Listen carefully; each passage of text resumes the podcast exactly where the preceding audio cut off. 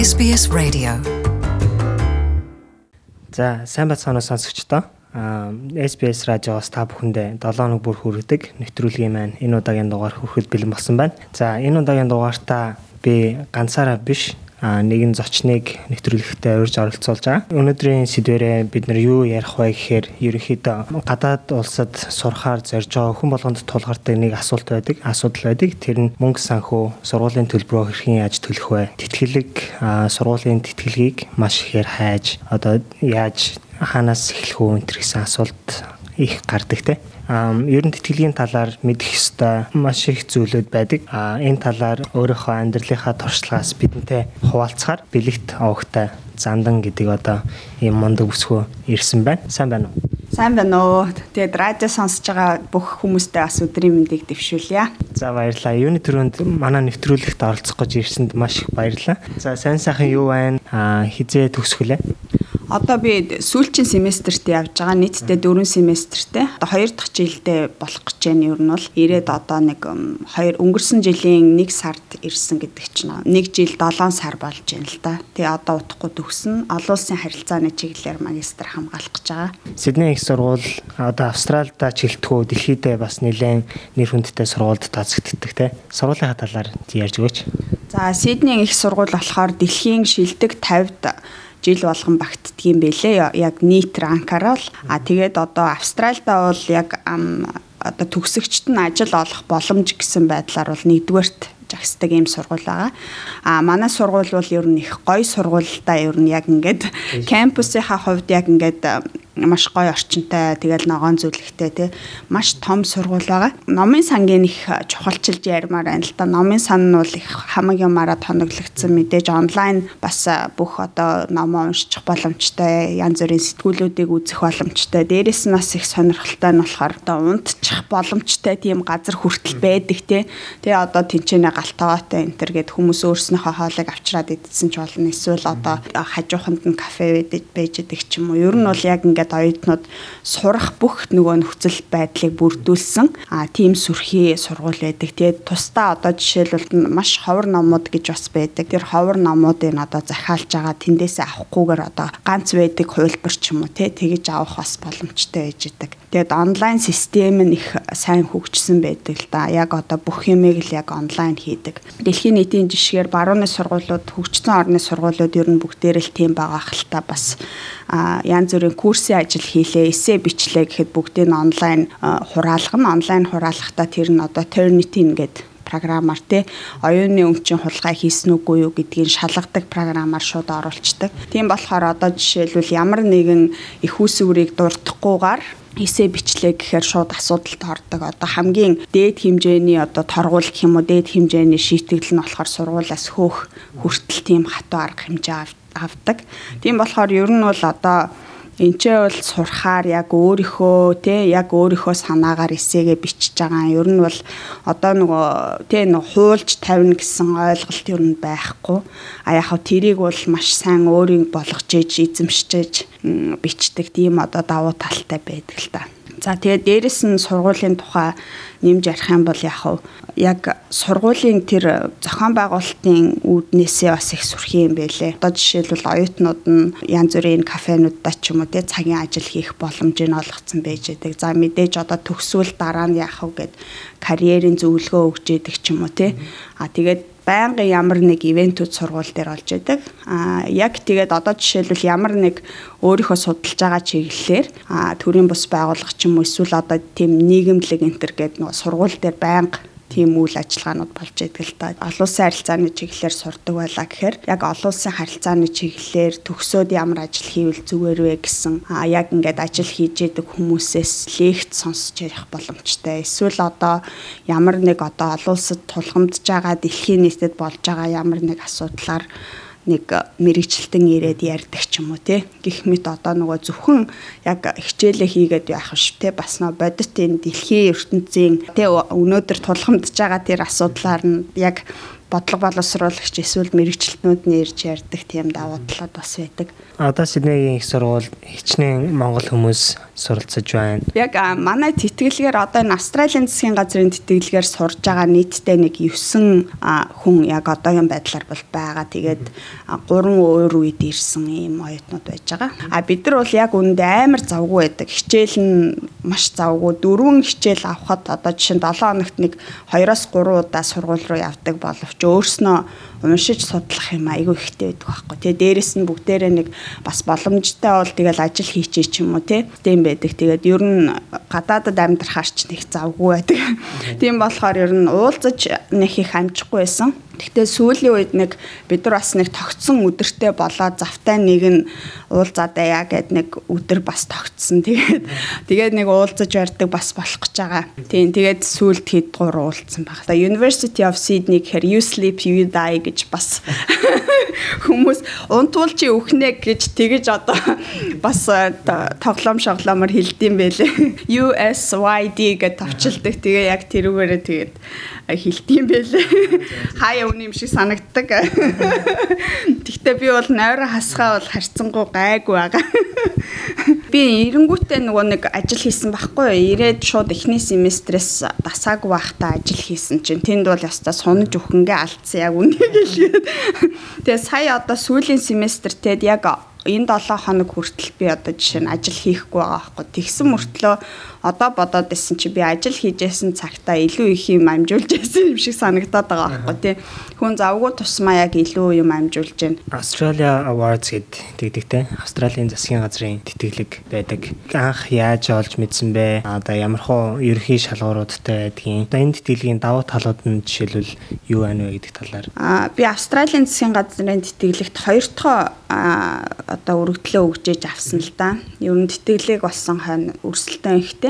А эхнийх дээрээ юун дээр алдсан бэ гэхээр TOEFL оноогоо өгөөгүйгээс болоод ягаад тэгэхээр би өмнө англид MBA хамгаалж исэн. Тэгэд би за миний англи хэл юм шүү юм боломжийн гэж үзэж байгаа гэд баг өөрөө дураараа тэгээ бичсэн. Тэгтээ шууд эхний шалгуураар л асагдчихж байгаа байхгүй. Тэр яг шаардсан бичиг баримтыг нь бол маш сайн бүрдүүлж хэрэгтэй юм билээ одоо ботсон чи бараг 5 6 жилийн өмнө юм байна. Тийм. Тэгээд одоо сая өгөхөд болохоор ер нь бол гайгүй тэгээд тэнцсэн. Давуу талууд нь юу вэ гэхээр Австралийн тэтгэлийн давуу тал бол маш их юм шиг санагдаж байгаа л да. Яг одоо эхний эхнийх нь болохоор нас харгалцдаг. А бидний бидэртэй хамт одоо олон улсаас ирсэн оюутнуудыг харж байхад жишээлбэл 60 настай хүн ирсэн сурж байгаа байхгүй. Тэгэхээр би бол бас энэ их давуу тал юм уу гэж харж байгаа. Ягаад тэгэхээр ихэнх тэтгэлгүүд дандаа яг нас заагаад одоо жишээлбэл за нэг 30-аас доош ч юм уу те тэгсэн байдаг. Тэгэхээр энэ бол их давуу тал гэж бодож байгаа. За тэгээд хоёрдугаарт болохоор яг одоо чиний хэл бас те бүр ингээд төгс хэмжээнд очиагүй. За заавалчгүй тэр TOEFL оноо ч юм уу IELTS-ийн оноо ч хүрээгүй байж болдог. Яг нь сургуульд орох хэмжээндээ хүрээгүй байж болдог а яг мэдээж одоо ярих ч юм ойлголцох төвшөнд байх шаардлагатай. А тэгээд Австралийн засгийн газраас бол нэлээд хідэн сарын бараг 6 сарын шахуу тийм англи хэлний курсд явуулцдаг байхгүй явхаас өмнө. За тийм тэр бол маш их давуу талтай. Тэгээ миний оноо бол хүрсэн байсан. Тэгтээ бидэрт бол бараг сар орчим хэлний бэлтгэл гэхээс илүү одоо яаж эссе бичих вэ академик бэлтгэл хийж байгаа байхгүй.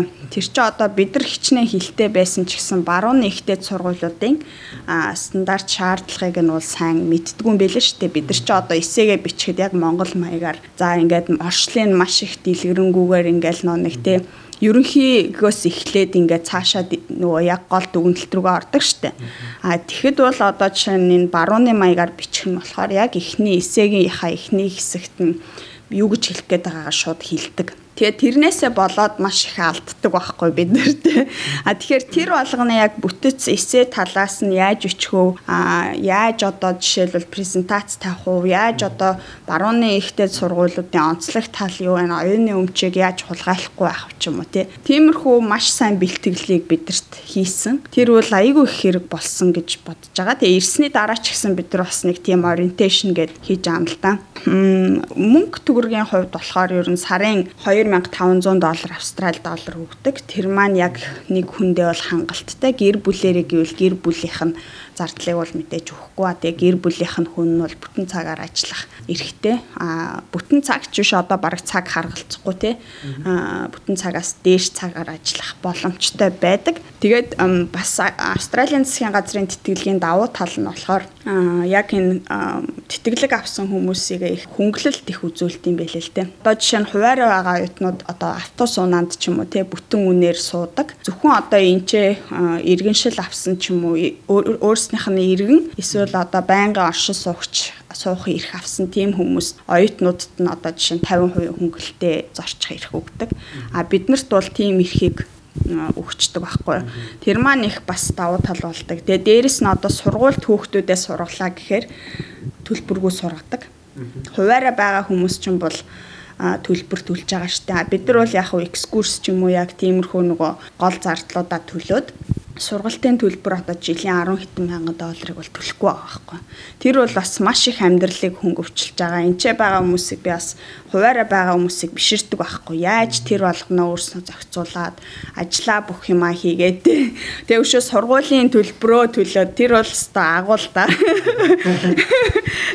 А ер нь бол Australia Awards-аас энчээ байхад ивентүүд хийдэг те ингээд байнга одоо ямар нэгэн юм community гэдэг шүү дээ ингээд найз нөхдөд бол болох боломж нь байна тэл networking юм хийдэг ч юм уу те тиймэрхүү бас давуу талууд байна очсны дараа бас их те ивентүүддээ уурж барьж ер нь ингээд насан туршийн холбоотой байна шүү гэж тэгж бидэрт хэлсэн. Тэр бас их гоё санагдсан. Австралийн засгийн газрын тэтгэлэг авахд шаардлагын дагуу яг бичсэн шаардлагууд бол их байгаа л да. Тэрийг сонсогчд маань өөрснөө олоод гарч байх те.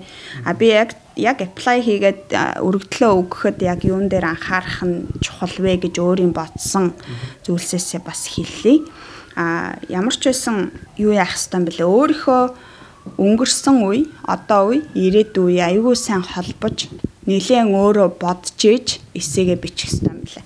Эсээ гэж яг ингээд тусдаа том эсээ гэхээсээ илүү асуултууд асуугаа явчихдаг л да.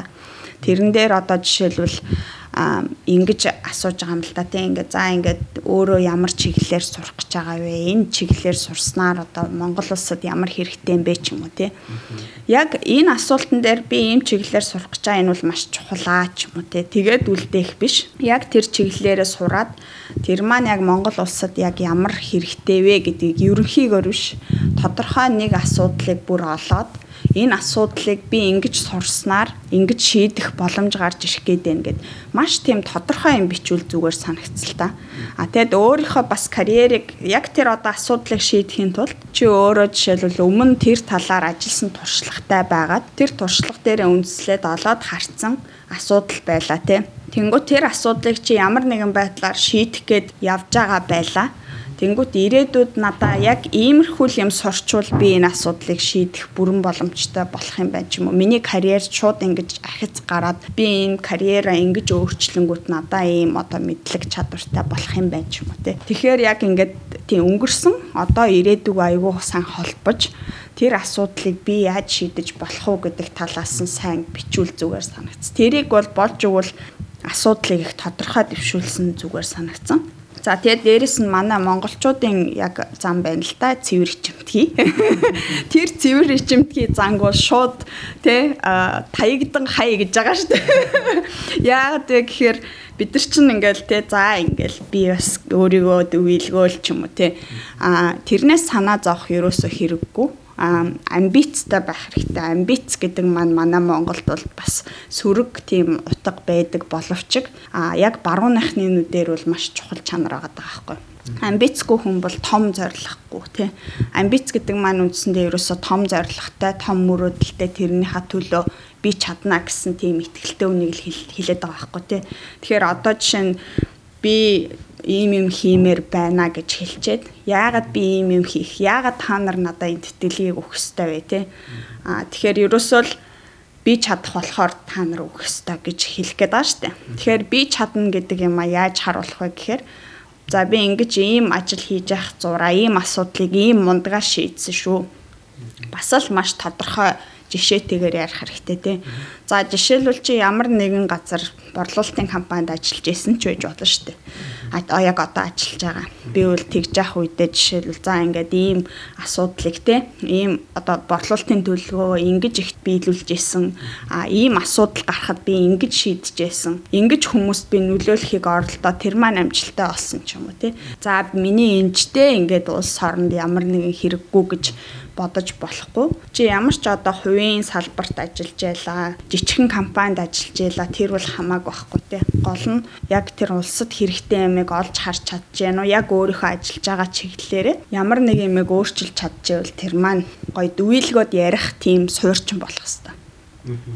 За тийм л хоёр юм дээр би нэлээд сайн анхаараарай анхаарах хэрэгтэй байна анхаараарай гэж бас захиа. Бүх нөгөө шаардсан бүх бичиг баримтыг бүгдийг сайн бүрдүүлэх бол тэр өөрөөсөө хамгийн ихний наад захын шаардлага байхгүй өмнө би ярьсан шүү дээ. Ер нь бол энд 2 жил сурахад за зарим нөгөө хөтөлбөр бол нэг жил хагас байдаг тийм яг ингээ байнга ажиллаж байгаа мэдээж за ажилласан жилийн шаардлага гэд бас байгаа тий. А тэгэхээр ажилласаа холдоод орчноо солиод мэдээж гадаадад ингээ амьдраад энэ бол маш сайхан. Яг энэ явцдаа дараачийн алхам маань юу байх вэ? Яг хүн болгоны зорилго өөр байж болно.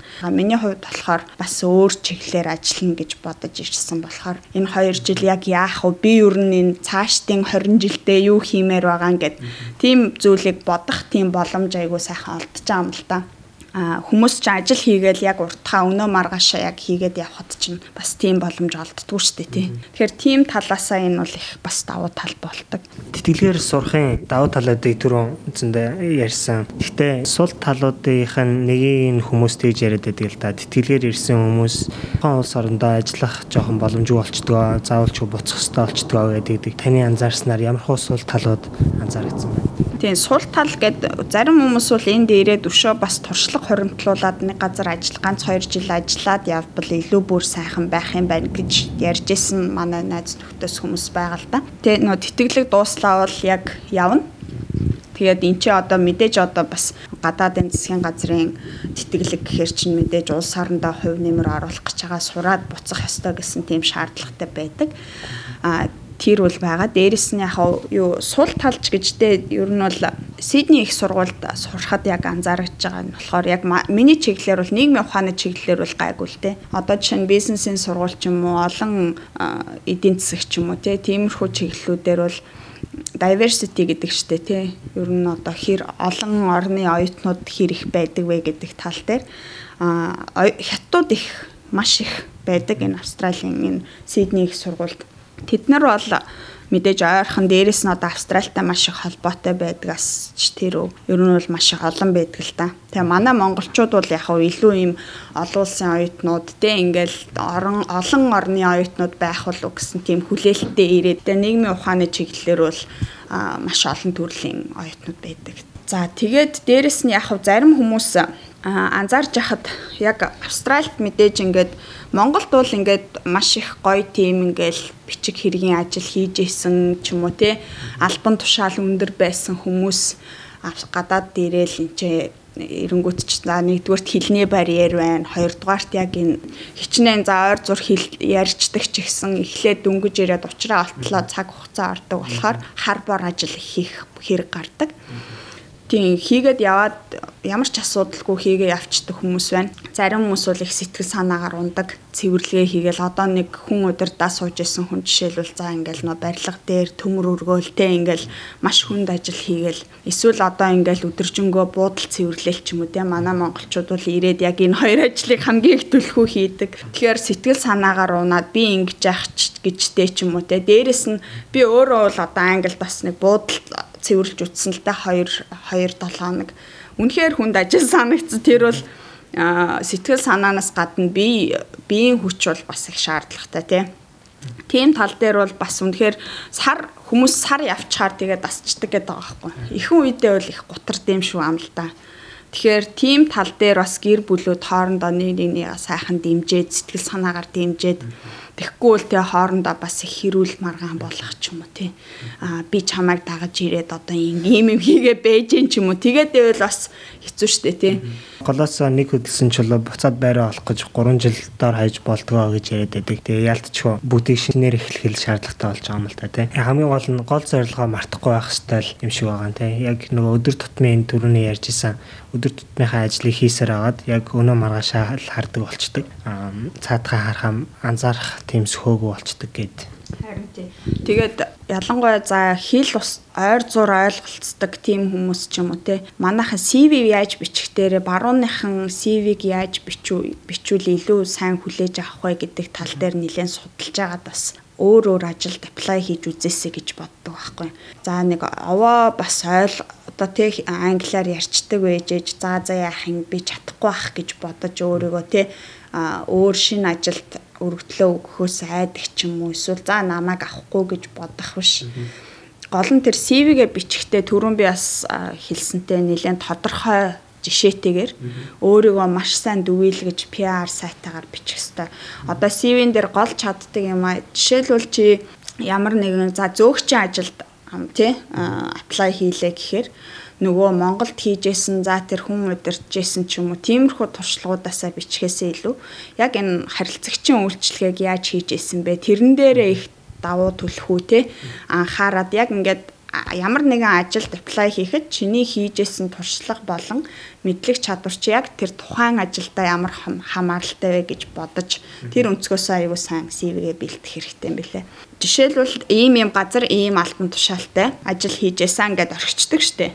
Тэр бол хамгийн буруу юм байгаа хгүй. За энэ ажил дээр 2 юм уу 3 өгүүлбэрээр энэ ажил дээр миний өдөр тутмын ажил ийм байсан, миний гаргасан амжилт ийм байсан. Эсвэл одоо эндээс би ийм чадахгүй байсан боловч ийм чадвараа сайжруулсан ч юм уу тий.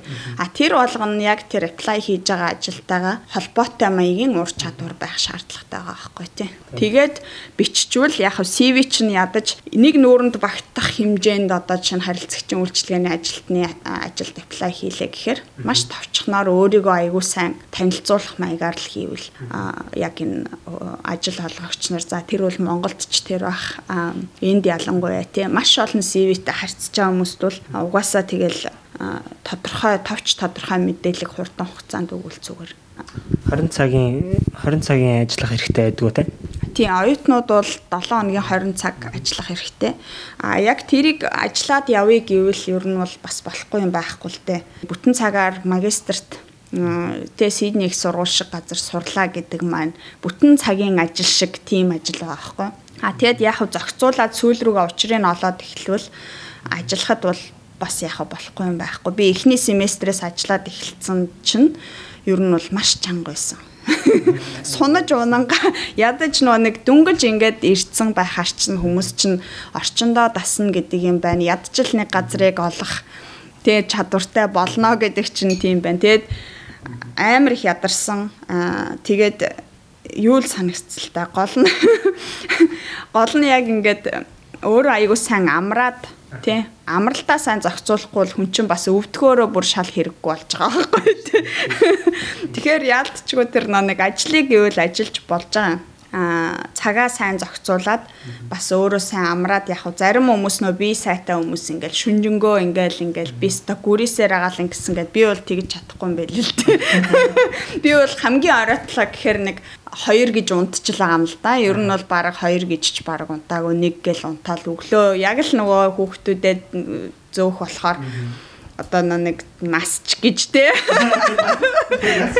би дийлгүй гэдэг шиг тэгэл яалтчгүй нөө юм уншиж яад хичээл болохоор нойр дутуу болчоор толгой ажиллахаа байгаа юм чинь тийм болохоор нойроосоо зохицуулахгүй бол болохгүй санагдаад байгаа. Гэхдээ дөнгөж хойр гарч явах чи өөр л байсан байгаа.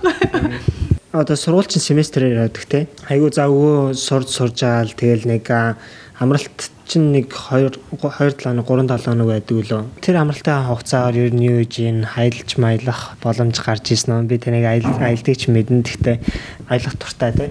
Тий аялах туртай одоо энд би бас нэг хөрх мөнгө төгрөг хийчээ буцъя гэд тийм бодолтой байсан. Яг нь ер нь бол мөнгө хийгээд хоёр хоёулаа ажиллаад явхад бол мөнгө хийгээ явъя гэвэл бүр амар их биш юм а гэхэд ямар ч байсан тэ нэг очоод нэг эхний ганц 2 сартаа ажил хийхгүйгээр байя гэвэл мөнгө цуглуулад тийм боломж бол байна. Бас юу ч ер нь бол нэлээд сайн хадгалвал бас хөөхөн тэ 2 жилийн хугацаанд бас мөнгө цуглуулъя гэвэл боломж байна л та. А тэгтээ бас Австралийн Хавэсийн хол ингээд ирцэн дараа нь дахиж хизээ ирэхийн те. Тийм болохоор бас Австралиар э, уул нойрхон газруудараас аялье гэж айгу бодоод Тэгэд нилээн хэд одоо Queensland руу тэр Австралийн хойд зүг тэгээд бусад хотууд руу нилээн бас явж байгаа. Амралт нь болохоор янз бүрийн амралтаа одоо өвлийн амралт гэдэг маань энэ ч бүтэн сар гарангийн амралт болчихж байгаа. Тэр нь 7 сар болж байгаа. Тэгээд а Крисмсийн амралт хамгийн урт амралт байдаг шүү дээ. 100 сарын баяраар тэгэл 12 сар 1 сар гэл бараг амарч чаа. Нэг баг 3 сарын амралт штэ ер нь бол 3 сар хүртэл 3 сар амарчдаг. А тэр нь болохоор 100-ны амралт болчоод. Тэгэхээр ер нь бол боломж гарахаар их аялж байгаа. Queensland их таалагдсан. Queensland бол их дулаахан. А тэгэд нөө нэг шүрэн арал шүрэн аралч одоо дэлхий дээр хамгийн том амьд организм гэдэг байгаа шүү дээ тий. Тэгэхээр тэр одоо удахгүй байхгүй болчих эрсдэл байгаад байгаа. Тэгээд очоод яг ингээд шүр далай руу ороод ингээд тий нөө скуба дайвинг хийгээд снорклинг хийгээд тий ингээд загас энтрийг үзээд хүүхдүүд ч гэсэн их таалагддаг. Үнэхээр гоё юм бэлээ. Энд бол гэхдээ хийх юм бол асар их байд юм бэлээ. За тэгэл нөө нэг янз бүрийн тэр вертолет юм уунаас те нөө онгоцноос доошоо ингээд үссэрдэг sky diving энэ төр гэл те тэр мэрийг бол би зүрхэлж хийгээгүй л те тэгтээ ер нь асар их нөө сонирхолтой хийх юмнууд ихтэй. Аа тэгээд одоо нэг юу круизер явах санаатай байгаа. Утгагүй сарын сүүлээр Тэгээ нэг 3 хоногийн круизер ингээд бас Queensland руу нэг арал руу юм бэлээ. Тэгэхээр дан одоо Titanic шиг дээр суугаад. Тэгэхээр одоо бид нар чи ямар далай байх вэ штэ. Тэгээ тим юунд бас сууж явж үзье гэж бодоод.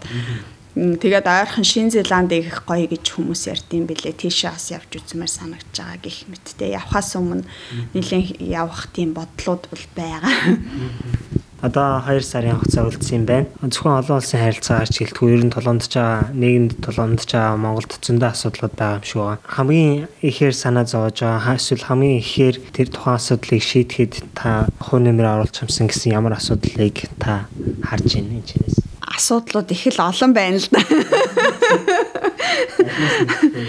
яг энэ чиглэлээр олон улсын харилцаа чиглэлээрээ би сурж байхад нэг ингээ хийчих юмсан хийч хийцэн бол одоо гэд бодож байгаа юм хийцэн бол ч гэжтэй би ч бас яг шууд өөрөө хувь нэмэр оруулах дээр бас хэцүү. Гэхдээ юу анзаарчихсан бэ гэхээр олон улсын харилцаа судал одоо тий судлалын энэ салбарт Монгол улсын талаар илүү их судалгаа байгаасаа Английн энэ англиар хүмүүс илүү их бичээсээ тэр барууны сэтгүүлүүдэд нэр хүндтэй сэтгүүлүүдэд илүү олон эрдэмтэд өгүүлэлээ гаргадаг болоосаа гэж бодсон.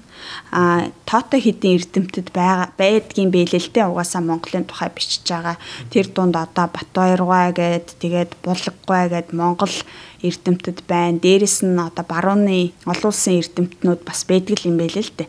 Одоо тэр Монголын эзэнт гүрэн бид нар хөөе дотроо ингээд те бид нар ийм мундаг шүү гэхээсээ илүү яг тэрэн дээрээ судалгаа хийгээд за бид нар үнэхээр за энэ элчин сайд томилох гэдэг юм чинь ингэж хийхэд бид нар ийм анхны санааг нь гаргаж ирсэн ч юм уу те за өртөөлөх гэж бид нар дотроо яриа л байдаг те Тэр болгоныг айгуу сайн ганц эрдэмтэн биш олон эрдэмтэд одоо англиар л ярьж ээж англиар л бичиж ээж дэлхийд хүрж штэ тий. Тэгэхээр манай эрдэмтэд тэрэн дээрээ бас анхаараасай. Яг одоо ингээд олон улсын тэр нэр хүндтэй сэтгүүл дээр гардаг болох юмсан гэж айгуу тийм амбиц миний хөдөлсөн тий би өөрөө бичдэг тэгэж тэр хэмжээнд бичдэг болох юмсан. Манай эрдэмтэд одоо тэр хэмжээнд бас бичдэг бол болоосой гэж их бодсон. Олон улсад их гармаар санагдсан. Гадаад амьдрна гэдэг бол маш ачаалалтай. Гадаад гараал нэх гой жаргалтайгаар байгаад идэг гэсэн тийм ойлголт хүмүүст аяг их байгаад идэг байхгүй. А би одоо тэтгэлэгтэй мөртлөө тэгэл бас тий ямар нөгөө ажил хийхээр ачаал нь ямар их байдаг тий санхүүгийн үднэс ч гэсэн ер нь бол хамаг юм үнэтэй. А нэг 7 хоног ажил хийхгүй байлаа гэхэд л ерөөсөө одоо байргүй болох хэмжээний тийм үнэтэй байрны төрөөс бол асар үнэтэй гэж идэг ч юм уу тий а тэр талаар бол тэр тал дээр хар бор ажил хийх шаардлага гарах магадaltaй байх шүү те. Амар завгүй байх нь байна нөө сайхан ингээд завтай байгаад байна гэсэн юм маань багасах нь байна гэдгийг аягүй сайн ойлгож ирэх хэрэгтэй. Дээрэс нь болохоор хамгийн түрүүнд бас би энэ ялангуяа энэ гадаадд гараад нэх гоё англи хэлтэй болчихно гэсэн тийм ойлголттой хүмүүст тийм юм байдгүй юм шүү гэдгийг хэлмээр байна. Өөрснөө Монголдо болж өгвөл англи хэлтэй болцоод ирээч. Яагаад вэ гэхээр энэ гадаадад англи хэл яг англи хэл хэлний курсээр гээд визээр нь ирж бас болж байгаа юм л да. Тэгэхээр тэр маань өөрөө дараа нь ингээд магистртаа сурах нэг юу болдог ч юм уу. Тэгтээ шууд магистрт ирвэл мөнгө дүрх чинь зөндөө хэмнэгдэн тий. А яг гадаадад очоод шууд ингээд англи хэлтэй орчинд нь орчих юм чинь гэж тэгж бодож болохгүй. Яагаад вэ гэхээр тэр болгон ингээд бас англиар яриад ах боломж нь та нарын бодсноос илүү бага. Монгол айгүйх монголчуудтай орчинд их орчдөг манай монголчууд ирээд Тэр нь ч бас мэдээж ойлгомжтой яагаад вэ гэхээр гадаад руу ирэнгүүт чинь хэл байхгүй байлаа гэхээр тэгэл монголчуудаа бараадаа л а нэг монголчуудаа бараадаа л яг нөгөө тэр монголчуудтайгаа байнга нэг газар жишээлбэл ажиллаа гэхээр та нар англиар ярих уу тий? Монголоороо яриад монгол хүмүүстэй амьдрал. Тэгэл нэг курсэд нэг 2 3 цаг суугаал тэгэхээр англи хэл сайжирдаггүй байгаа байхгүй? Тэгэхээр болж өгвөл яг хав монголдо хилээ аль болох сайн сураад ирвэл зүгээр. А тийм боломжгүй маа гэхэд ирлээ гэхээр болж өгвөл монголчуудаа мэдээж амьдарч болно. Болж өгвөл гадаадуудтай харьцах тийм орчныг өөртөө яаж иж байгаа бүрдүүлэх хэрэгтэй. А магистр энтер сурах гэж байгаа бол яалтчгүй тэр ориентейшн одоо сургуулиас чинь ямар нэг те эхнээс нь яаж сурах ёстой вэ гэд академик зөвлөгөө өгдөг тийм курсүүд ч юм уу байвал заавал суучвал зүгээр яалтчгүй баруунд сурж байгаагүй хүмүүст бол яг соёлын шок болдог. Би одоо жишээ нь англид сурж байхад бүтэн жил чинь арай их заа нэг одоо учрыг олох гэж байна гингүүт дуусчих байхгүй. Энд одоо давуу тал нь яг 2 жил сурж байгаа. 2 жил сурах хугацаанд одоо ингээл за нэг сайхан болох гэж байна гэтэл яг ингээд за гар доор орж байна гэхэд бас дуус болчихж байгаа байхгүй. Тэгэхээр ямар ч байсан маш өөр байдгийг айгуу сайн бодолцоод бэлтгэлээ сайн хангах хэрэгтэй, судлах хэрэгтэй өөрөө ч гэсэн. А эсээ бичгээс авахуулаад те тэгээд манай Монголын диплом бичиж байгаа шиг ч юм уу те ингээд нөгөө яг бүтцэн нь бол айгүй өөр байдаг. Тэр болгоныг бол нэлээд сайн судлах хэрэгтэй л гэж. За тэгээ эцэст нь хэлэхэд тэтгэлэг сонирхож байгаа хүмүүс бол бичиг баримтаа өөрийнхөө бичиг баримтаа сайн бүрдүүлээрэ. Дээрэс нь өөрийнхөө эсээгээ бичихдээ асуултанд хариулахдаа тодорхой жишээтэйгээр маш тодорхой асуудлыг хөндөж бичээрэй. А өөрийнхөө карьерийн өнгөрсөн үе, одоо үе, ирээдүйе сайн тэрэндээ одоо тий холбож аягүй сайн бичээрэй. Өөрийнхөө чадах юмд а чадхаас гадна үнэхээр өөрийнхөө дараа нь яг энэ чиглэлээр мэрэгчлээ мэрэгчлээ гэхээр сонирхолтой зүйлээ бас хөөгөөсэй гэж бодож байна л да. А тэгээд сүүлд нь болохоор ямар нэгэн иймэрхүү тэ тэтгэлэгт өргөдөл өгөхдөө тэр цэвэр ичимтгий занга хаяарай гэж зөвлөмөр байна.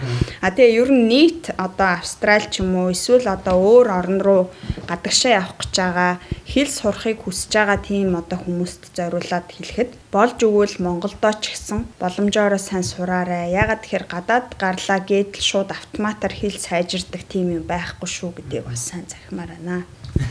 За маш их баярлалаа. Өөрийнхөө туршлагаас харамгүй сайхан хуваалцлаа. Тэтгэлийг сонирхож байгаа, Австрали улсыг сонирхож байгаа хүмүүст ч гэсэн зөндөө хэрэгтэй мэдээлэл өглөө. Баярлалаа.